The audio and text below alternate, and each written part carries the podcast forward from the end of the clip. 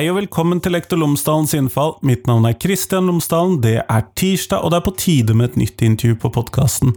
Denne ukens eh, episode er litt spesiell. Det vil si, hver eneste uke er jo litt spesiell på podkasten, men denne gangen så er det ikke jeg som står for intervjuet. Derimot så er det jeg som blir intervjuet. Fordi at Beate Goldsmith Gjerløv hun har vært med på podkasten før, og vi har spilt inn et nytt intervju som kommer etter hvert i løpet av sommeren. Eh, hun intervjuer meg om en artikkel jeg har skrevet i forbindelse med min masteravhandling, eh, doktorgradsprosjekt, om fordommer og fritak i skolen. Jeg snakker litt om fritaksretten, jeg snakker om hvilke rettigheter foreldrene har, og hva gjør en skole egentlig når foreldre ønsker å bytte ut en lærer fordi at denne læreren er homofil. Er det noe man kan få fritak fra? Det hører du mer om i denne episoden. Ellers, podkasten er som alltid sponset av Cappelen Dam Utdanning, og hvis du går inn på tverrfaglig.cdu.no, så finner du alle de ressursene som Cappelen Dam Utdanning har laget i forbindelse med fagfornyelsen i videregående skole. Dette er da knyttet til de tverrfaglige temaene. Der finner du oppgaver, undervisningsopplegg osv. som kan brukes i forbindelse med det. Så, og det er mulig at du allerede har tilgang gjennom noen avtaler skolen din har, eller så kan du prøve ut en sånn prøveordning. Men i hvert fall tverrfaglig.cdu.no. Nå kommer intervjuet med meg. Hei, hei.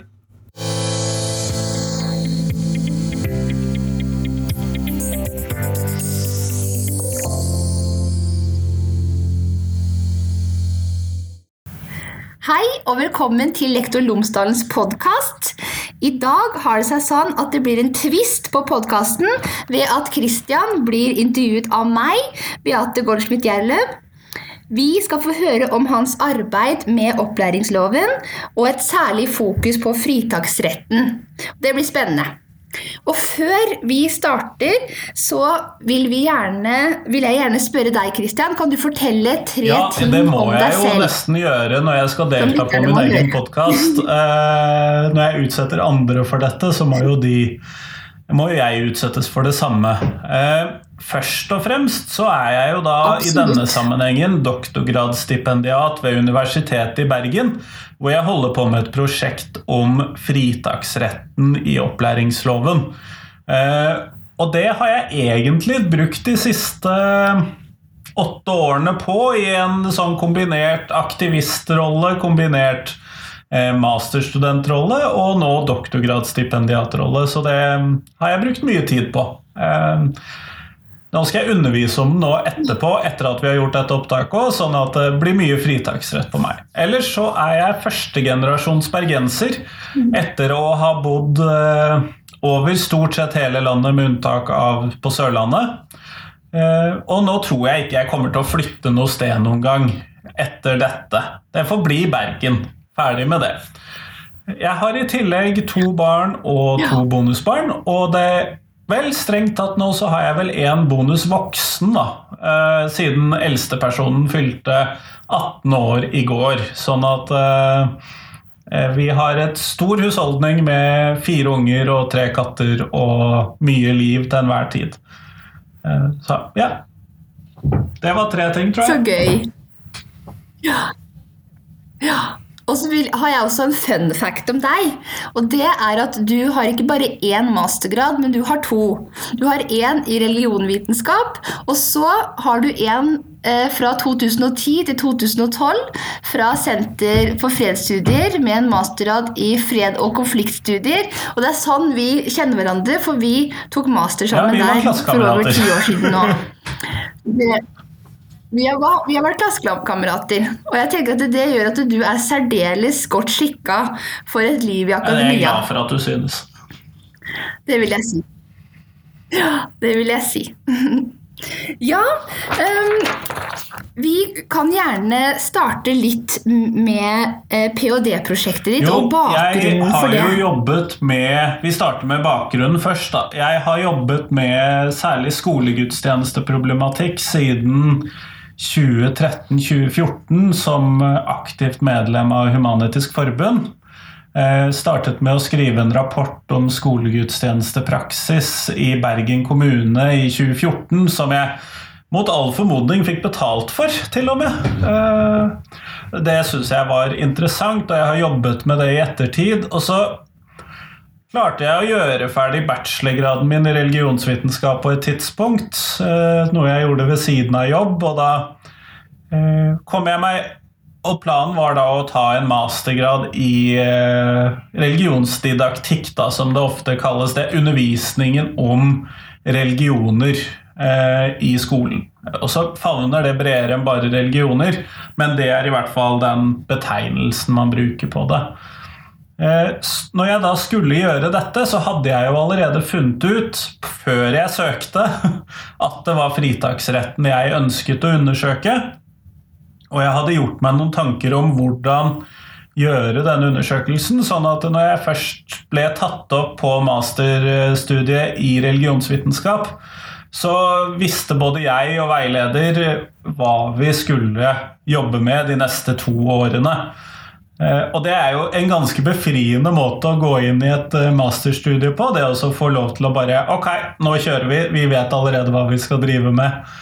Sånn at eh, jeg bygger videre på dette masterprosjektet i doktorgradsprosjektet mitt. Den gang da så undersøkte jeg klagesaker til statsforvalteren eller til fylkesmannen om eh, hvordan, hvilke klagesaker, hvilke henvendelser får de. Det undersøkte jeg da. Det er egentlig eh, hovedsaken av den forskningen vi har på fritaksretten i Norge i dag. Eh, vi har ikke så veldig mye mer enn det.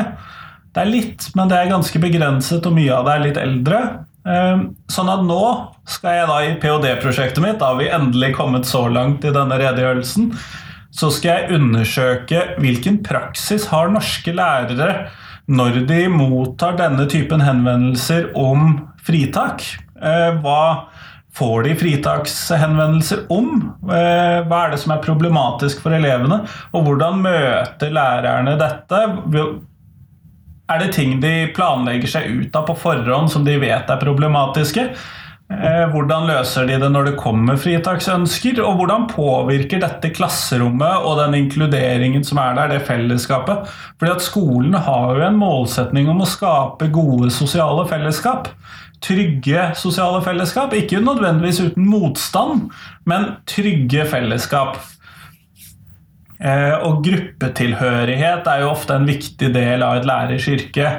Og da er det eh, nødvendig å se på hvordan påvirker denne fritaksretten eh, klasserommet. Og så må jo jeg bare være helt ærlig om at ulike sider ved Christian er uenig i om fritaksretten er en god idé eller ikke.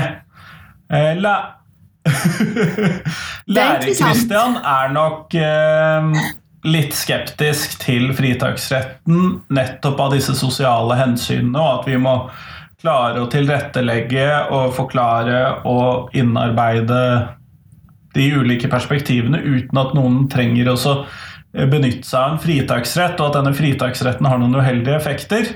Eh, Forsker-Christian er nok eh, ganske tvisynt i dette, men kan se en del argumenter for og imot. Men er nok først og fremst interessert i hva som foregår, mer enn uh, å være for, veldig for eller imot. Humanist-Christian er nok ganske tydelig på at det er nødvendig med en fritaksrett for å sørge for å ivareta foreldrenes og elevenes rettigheter i en skole som aldri vil kunne være uten fritaksproblematikk.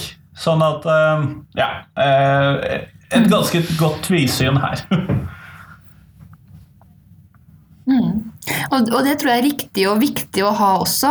Og ikke på en måte gå inn i det veldig sånn med en fast uh, oppfatning av hvordan noe bør være, da. Det tror jeg, det tror jeg er lurt. Ja, og du har jo akkurat skrevet et kapittel om fritaksretten i antologien til Marie von de Lippe om fordommer i skolen, hvor du tar et dypdykk inn i en av klagesakene. Og du eh, ser spesielt på eh, søknader, en søknad fra eh, foreldre som ønsket å bytte ut en homofil lærer, og, og de ønsket ikke at vedkommende skulle undervise om homofili og surrogati. Kan du fortelle ja, litt om denne saken? Dette er en sak som eh, både har vært en mediesak, sånn at den er tidvis, eller den er delvis ute i den store verden også. Den ble dekket av særlig avisen Vårt Land den gang da det var en sak. Dette er en sak fra midten av 2010-tallet eh, som ble sendt inn til Fylkesmannen i Rogaland. Eh, og hvor det da var en forelder Vi vet ikke om det er flere foreldre inne i bildet, eller om det er bare én forelder, eller om det er foreldrene er uenige, eller noe sånt. Det vet vi ingenting om. Vi vet at det er én forelder som er aktiv i saken. Og denne forelderen ønsker da å eh, kontro- bytte ut en lærer fordi at læreren er homofil og har uh, surrogatbarn. Og ønsker at denne læreren ikke skal, i hvert fall ikke undervise om nettopp disse temaene. Eh, og ved siden av det så ønsker de også å kunne kontrollere hvilke diskusjoner eleven deltar i i klasserommet, og fremmer en del sånne Alle disse kravene som jeg nå har nevnt, da, de er ganske problematiske inn i en skolesituasjon og inn i en arbeidstakersituasjon. eh, Og inn i en situasjon hvor lærerne i stor grad har metodefrihet for hvordan de underviser. Eh, Og jeg vet i hvert fall at eh, jeg ville vært litt skeptisk, da, for å si det pent, hvis noen elever skulle, eller foreldre skulle kontrollere hvilke diskusjoner og hvordan disse diskusjonene skulle vært lagt opp i klasserommet mitt. Eh, og så trekkes det fram da bruk av video, fordi at det har vært en videoreportasje fra denne lærerens familie. Sånn det, og det var en del av et undervisningsopplegg som ble hentet inn utenifra, og den ble vist i timen. Og det ble bare for å sitere da, denne forelderen, jeg likte dette sitatet veldig godt, viser en annen For nå har jeg understreket at det er litt problematisk med dette, disse kravene inn i skolen. Samtidig så sier foreldren jeg ønsker å få frem at det er konfliktfylt for barn som læres hjemme at homofili ikke trenger å være den endelige løsningen. På skolen møter en lærer som lever homofilt, og elever ønsk, og elev ønsker å like og respektere læreren for den han er. Sånn at uh, foreldrene her opplever dette som veldig problematisk. At uh, skolen tilrettelegger for en kunnskap eller en, noen holdninger som er veldig mot det som foreldrene lærer hjemme. Så det er vel artikkelen i ganske korte trekk. Og her er det jo masse spenninger mellom på en måte familiens verdier og holdninger og de holdningene og verdiene som skolen skal fremme, og som er forankra i overordna Ja. del av læreplanen. Og også på en måte rettigheter som eh, står Ja, opp mot imot er hverandre, kan man basert si. på Fritaksretten i norsk skole er jo sånn orientert at den gjelder for alle fag og alle temaer og all, all undervisningen som foregår i skolen. Men man kan ikke nødvendigvis få fritak for aktiviteter eller for kunnskapsinnhold i skolen.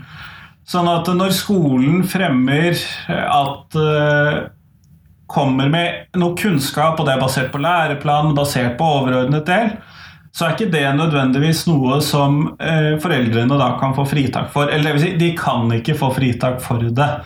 Og så vil det kunne være sånn at man kan få fritak fra eh, forskjellige aktiviteter eller ulike foredrag, eller at undervisningen blir lagt opp på en annen måte. Og det blir også tilbudt til denne eleven i denne saken her, hvor skolen forteller det at ja, vi kan gi et annet undervisningsopplegg om det samme til denne eleven, som denne eleven må sitte og arbeide med på et grupperom, eh, som det var i denne saken her. Og så kan man diskutere hvor bra det er for en elev, men eh, hvor man da sitter og jobber med den samme tematikken der, kanskje med en assistent eller med en annen lærer, litt avhengig av hva som er tilgjengelig. Men dette ble oppfattet som eh, problematisk for foreldrene også, fordi at også dette undervisningsopplegget skulle være gitt av den samme læreren. Sånn at det var ikke godt nok for dem. Eh, Sånn at eh, fritaksretten er både veldig vid, men også veldig begrenset på samme tid. For man kan få fritak for alt mulig, men nesten ingenting. Um, Ja. Ja, ikke sant. Og så er det jo også et spørsmål om arbeidstakerens rettigheter her. Eh, læreren, Den homofile lærerens rettigheter til å ikke oppleve diskriminering i sitt arbeid. da. Og som Eh, tidligere er arbeidsplass-tillitsvalgt i Utdanningsforbundet, så må jeg jo si at denne saken, når jeg leste den og kom over den, så var det en del ganske røde flagg som hoppet ut knyttet til nettopp det. Fordi at læreren skal jo ikke oppleve å bli diskriminert eller byttet ut pga. egen hjemmesituasjon på denne måten. Eh, Det ville være dypt problematisk for arbeidstakere, og jeg ville nok sette veldig lite pris på det hvis noen hadde foreslått å fjerne meg fra min jobb pga. enten seksuell legning eller religiøs tilhørighet eller et eller annet. Sånn at det er jo en del av det. Og så er jo dette samtidig det at denne saken dukker opp, det må jo denne læreren stå i. Eh, Men det viser jo også ganske negativ holdning til eh, hva skal vi kalle det, et seksuelt mangfold. Som da denne læreren er nødt til å stå i, fordi at eh, læreren kan jo ikke da trekke seg unna denne saken, selv om denne saken oppleves som ubehagelig. Eh, Sånn at eh, her er det en arbeidsgiver som må ivareta eh, rettighetene til arbeidstaker. Arbeidsgiveren og læreren må også ivareta rettighetene til eleven, og de må ivareta rettighetene til foreldrene, og de må ivareta hensynet til resten av klassen. Så det er jo ikke en løsning eh, å bare droppe alle disse temaene. Fordi at de er jo nødt til å gi elevene den undervisningen som de har krav på ut ifra den kontrakten vi som skole har med elevene og foreldrene nemlig, og samfunnet, nemlig læreplanen, overordnet del og opplæringsloven. Sånn dette her er kjempevanskelig. Jeg misunner ikke den rektoren som satt i den situasjonen. Nei. Men da må på en måte eh, en del av løsningen bli å få partene til å prate sammen. Um, og prøve å finne et, en løsning som er levelig for, for alle parter, da. Og om Ja, det gjør det, det er jo jeg spørsmål da jeg skal undervise om fritaksretten nå etterpå, etter at vi er ferdig med dette, så er jo det nettopp en av poengene mine. Det å At man kan løse veldig mye med god kommunikasjon og ved å ta samtaler om vanskelige temaer. Hvis du vet at det er noen som vil reagere på at man besøker en moské, ta den samtalen, og så prøv å forklare hva som skjer, og hva man gjør, og hva det skal fylles med, og så kan man eh, bli enige om noen rammer som gjør at dette blir levelig. Eventuelt finne ut tidlig at dette her er for problematisk, så dette, denne eleven må da ha et fritak i den situasjonen, og så løser man det på en god måte. Eh, det ble forsøkt i den saken som jeg har skrevet om i denne artikkelen, eh, men det hjalp ikke. Det, det som skolen kunne gjøre innenfor de rammene skolen hadde, var for langt unna det foreldrene hadde en forventning og et krav om at skulle skje. Og da Særlig kom dette her i kravet om at eh, hvis læreren da skal ha om dette temaet, det skal være den læreren, så vil vi kontrollere. eh, Da vil vi vite hvilke diskusjoner og godkjenne de diskusjonene. Eh, Sånn at dette er jo da en tydelig kontrovers mellom skolen, læreren og foreldrene som er veldig vanskelig å løse. Eh, Og det er jo da selvfølgelig uheldig og eh, gjør jo dette mye vanskeligere å gjennomføre. Men det blir også da veldig tydelig hvor harde linjer eh, som da, da er i denne sammenhengen. da. Ja, og så er det også en dimensjon, det her med barnets rettigheter til å bli hørt og medvirkning. Altså her er det voksne som syns veldig mye om hvordan undervisningen skal være.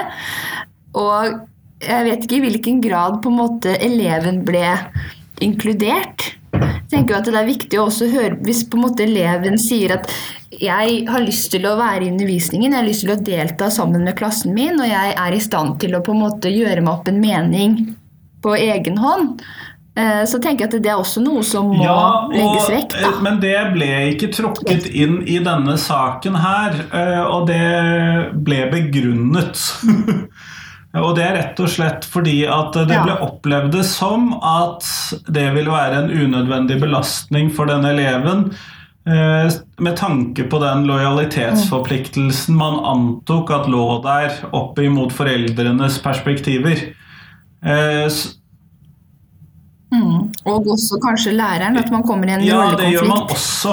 Eh, Men det var særlig denne lojalitetsforståelsen opp imot eh, foreldrenes perspektiver. Og så kan det jo godt være at eleven var helt enig med sine foreldre og opplevde dette som svært ubehagelig. Og det kan også være at denne eleven virkelig syntes at dette var en storm i et vannglass. Eh, Men det vet vi jo ikke. Det er veldig vanskelig for oss å gå inn ifra på utsiden. Ja. Men skolen redegjorde i hvert fall for hvorfor dette ikke ble trukket inn, og så kan vi være enige eller uenige i det. Men jeg er jo helt enig, og fritaksretten så sier den at elevene kan bestemme fritak selv fra man fyller 15 år. Jeg er ikke nødvendigvis enig i den grensen, og at det er den legale grensen i Norge. Og det er basert på barneloven. Fordi at barneloven sier jo det at det skal være en gradvis eh, omfordeling av rettigheter. Eh, og det å da sette siste grense i barneloven, altså 15 år, som jo da eh, hvor det er tydelig i barneloven at da må det være gitt rettigheter, at det er satt som en rettighet i denne sammenhengen, det er ikke gitt at det er den riktige løsningen. Jeg tror at uh, idet barnet fyller både 10 og 12 og 13 og 14 år, så skal de ha veldig mye mer å si i denne sammenhengen. Men eh, opplæringslovens paragraf 2-3a sier 15 år. Jeg tenker at Det kunne vært en kjempeinteressant eh, tilleggsdimensjon i prosjektet ditt. Å intervjue elever som står i, i den klinsjen. Ja, og I mitt prosjekt, i doktorgradsprosjektet så skal jeg bare snakke med lærere og skoleledere. Eh, og det er valgt ut ifra det at Mm. jeg tror at de er lettere å få tak i enn eh, barn og familier som står i dette. Og det er mye fordi at eh, Antagelsen, eller det vi vet om denne tematikken, er at det er bare et begrenset antall familier og elever det er snakk om.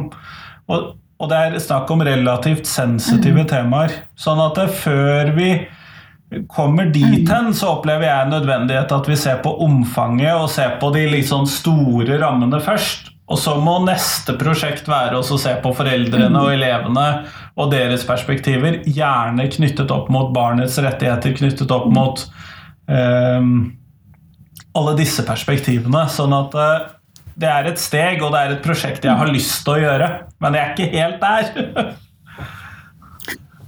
Det er postdokken. det er postdokken, det, da. Ja, det er fint. Da har vi progresjon. Ja, og så er det jo flere ting i kapitlet ditt som er interessant å diskutere ut ifra mer sånn teoretiske perspektiver. Eh, For du skriver jo frem eh, Michael Hand annet sine perspektiver på eh, at selv om en tematikk kan være kontroversielt i samfunnet for øvrig, så skal det ikke nødvendigvis undervises som kontroversielt. Um, har du lyst til å si Ja, litt og dette om, handler jo om, eh, om eh, rett og slett om tematikken med kontroversielle temaer i undervisningen mer generelt. Og det er jo litt løsrevet fra akkurat denne saken. Og så syns jeg denne saken kan være nyttig å se på. Men når vi da skal se på om noe er kontroversielt i undervisningen, så handler det veldig ofte om hvordan vi underviser disse temaene. Mer enn eh, Og det er i hvert fall det som Han fremlegger, at når vi da skal hvis noe skal gjøres kontroversielt, så må det også være fordi at det er kontroversielt som et tema. Eh, Fordi at vi som lærere vi har veldig stor makt i hvordan vi fremstiller ulike saker. Og vi kan fint klare oss å fremlegge f.eks.: Er jorda flat? Eller finnes det aliens på jordkloden? Eller um, skal kvinner ha rettigheter overhodet? Det kan vi velge å fremstille som kontroversielt gjennom hva vi fokuserer på, hvordan vi fremstiller det, hvilke debatter vi legger opp til i undervisningen, sånn at alt kan gjøres kontroversielt. Er fargen blå pen? Kan også være et kontroversielt tema hvis vi legger opp til det. Eh, det skal jeg helt fint klare å gjøre i et klasserom. Eh, Hvilken farge er det på denne jo åpenbart kontroversielt, det har vi jo sett. Eh, og så kan vi tukle enda mer med Ja. det, f.eks. ved bruk av green screen, så blir det gøy. Men sånn at om noe er kontroversielt eller ikke, det avhenger til en viss grad av undervisningen om det temaet. Og så mener da Hand at hvis det er sånn at dette temaet egentlig ikke er kontroversielt ut ifra hva skolen har som perspektiver, så skal vi heller ikke undervise det kontroversielt. Det er ikke kontroversielt for skolen om homofile har rett til å stifte familie. Eh, Det sier eh, Der er grunndokumentene, formålsdokumentene for skolen, veldig tydelige. Eh, Og hvis man da i en sånn setting fremmer da homofili som et kontroversielt tema i undervisningen, så vil man da, jf. Hand, komme i den situasjonen at enkelte elevene vil oppleve at deres status som mennesker blir kontroversiell. Ja, og så kan man selvfølgelig argumentere for at alle disse kontroversene, alle disse debattene og diskusjonene, de skal tas uansett, og kan tas uansett. Man kan også mene at eh, det er hva som er ute i samfunnet, om det er en kontrovers der, som bestemmer om noe er kontroversielt i skolen, eller om det da går på fremføringen av Eller hvordan man legger opp undervisningen. Sånn her er det en del ulike aspekter, og det er en del uenighet knyttet til det. Men jeg opplever i hvert fall det som nyttig ut ifra en sånn erfarenhet med oppholdet i klasserommet og se på eh, de formålsdokumentene vi har i skolen, så opplever jeg det som eh, verdifullt eller nyttig eller som en viktig sånn måte å gjøre det på. At hvis ikke skolen mener at dette er kontroversielt, så skal vi heller ikke legge opp til at det er kontroversielt. Og respekt for medmennesker er ikke kontroversielt i skolen. Nei. Og så er det det som blir interessant, er at selv om på en måte læreren rammer inn en tematikk som ukontroversielt, så Ja, kan og- det bli kontroversielt allikevel. og det er jo den her et, et, så, sånn at Selv om på en måte intensjonene til læreren er at det her er ikke kontroversielt, homofile har sine rettigheter, så er det på en måte holdninger der ute som gjør at det kan på en måte bli en det kan bli kontroversielt Ja, og både det i og utenfor klasserommet slett ikke utenom. Fordi at eh, elev, læreren kan bare kontrollere undervisningen i så stor grad. De har jo bare et spillerom, og nå selvfølgelig gestikulerer jeg vilt her for å prøve å vise hvor mye spillerom læreren har. men eh, vi har bare et begrenset spillerom som lærere. Og så møter vi media, vi møter elevenes holdninger hjemmefra, vi møter hva nå som er en eh, greie på TikTok eller Snapchat. Sånn at eh, vi møter alle disse tingene, og det har du helt rett i. Det er kjempevanskelig. Og det må vi jo ta når vi står der i klasserommet. Når vi møter en eller annen beklager å si det, løk som mener at mennesker har forskjellig verdi. eh, Så må vi ta den og legge det opp og møte elevene på en god måte og ivareta alle elevenes eh, tanker, følelser, verdier, holdninger, hjemmeundervisning osv. Uh, ja. Så eh, Selvfølgelig uheldig at jeg kalte vedkommende for en løk først, men det skjer jo ikke da i klasserommet. Nei. Nei. Og det, men det er, det er så Det er veldig interessant det du sier, for jeg tror at mange av oss som har jobba som lærere, har kjent på det. At man ikke nødvendigvis har undervist om noe som kontroversielt, men så blir det kontroversielt fordi elevene kan ha med holdninger som går litt sånn på tvers av det de verdiene som, som, skolen står for. Da. Eh, og da er den beste måten å håndtere det på, er å være liksom var på alle elevers perspektiver og forståelser, og på en måte invitere til dialog. Eh, og, og anerkjenne at, at selv om på en måte man har eh, grunnleggende rettigheter her, så har man også på en måte rett til å mene det man vil. Men da må elevene på en måte lære å, å ytre seg på en måte som ikke er krenkende for andre. Da. Det går jo an å på en måte si at man at man eh, som elev ikke nødvendigvis støtter et homofilt, eh, eh, en homofil livsstil. Eh, eller at man ikke selv vil på en måte leve det, men at man støtter at andre gjør det, f.eks. Så er jo spørsmålet da, sånn støtter denne familien at mennesker lever i homofile samliv i det hele tatt? Uh, og det tror jeg jo ikke. Ja. og jeg vil bare ta et sitat, da, som uh, et annet sitat fra denne forelderen. Ja. Uh, for det en, dette er den lengste saken som var i hele saksdokumentet mitt, og det var Eh, mange utvekslinger frem og tilbake og med klageadgang i kommunen og sånn, så det var ganske mye papirer å hente ut her. Men det foreldrene sier, er det kan bli vanskelig å stå åpen frem i klassen som elev og mene at homofili og likkjønt ekteskap ikke er veien å gå i gåseøyne det siste, uten å frykte motstand fra medelever som sympatiserer med den levemåten som deres egen lærer har valgt. Um. Og så er det jo en del ytringsfrihetsperspektiver her. Det er en del perspektiver knyttet til dette. Kan man mene hva som helst uten å forvente å få motstand? Hvilken trygghet skal man ha i klasserommet? Uh, ja. Uh, og så er det jo selvfølgelig mm. Velger man en homofil livsstil? Igjen mange gåseøyne her. ja. ja, ikke sant?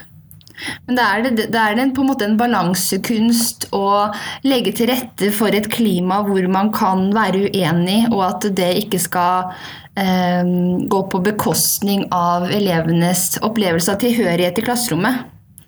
Og det er en kjempekrevende balansekunst som lærere står i. Ja, og det gjør jo ikke læreryrket noe lettere. Hvis det var sånn at alle mennesker i Norge hadde samme perspektiver på hva som var rett og galt, og hadde lik, likt uh, livssyn osv., så, videre, så hadde dette vært kjempelett. uh, men det vet vi jo at vi ikke har. Ja. Uh, og vi vil nok møte dette enda ja. mer og i større grad, kanskje om andre temaer, da. Ikke nødvendigvis dette temaet. Uh, statistikken i hvert fall tyder jo på at dette er et forbigående problemstilling på dette temaet. Men vi vet jo ikke hvilke temaer som blir problematiske om ti år. Si at vi lever i en tilstand Nei. med konstante koronapass, f.eks. Ja. Ja, det, og det vil jo hele tiden på en måte endre seg hva som, hva som eh, er kontroversielt. Og det er spennende. Det blir i hvert fall ikke kjedelig å være lærer. Nei, og det blir jo ikke det.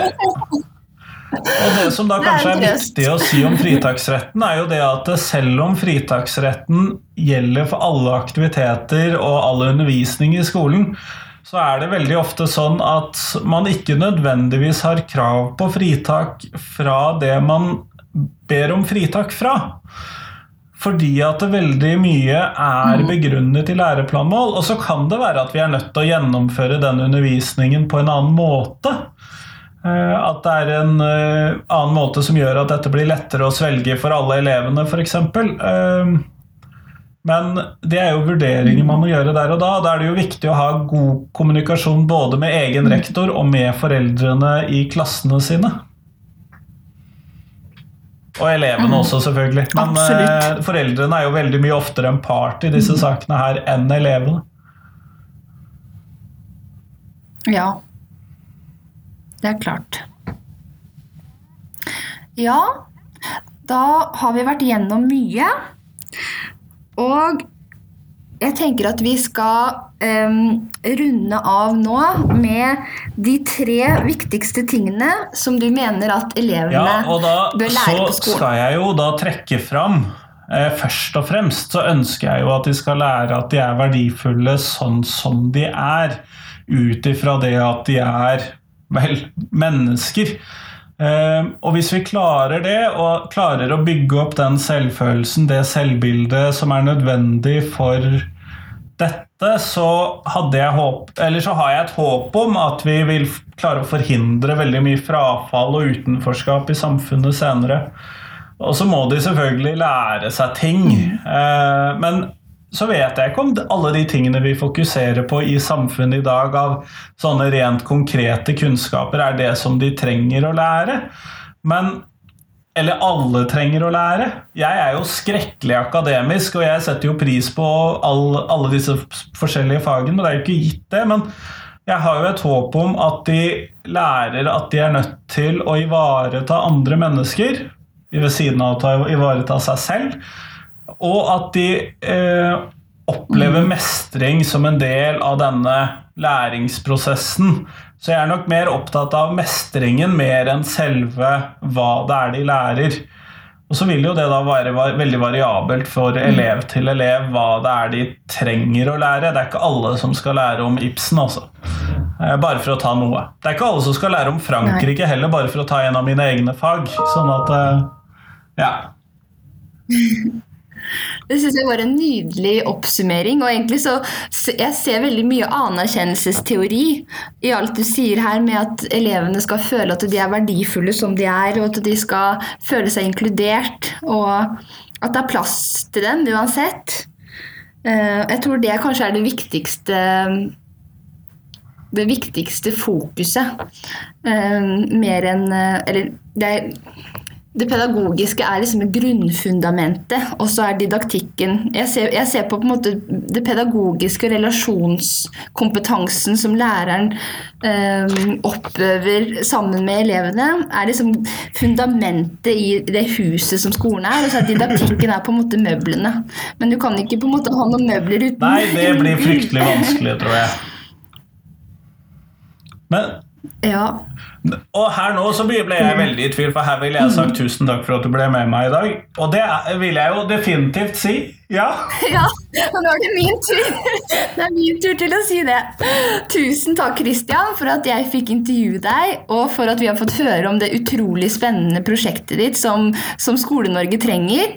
Og det er jo kjempegøy å se hvordan det blir fremover med publikasjoner og, og sånn på deg. Tusen takk Så det for skal vi følge med på.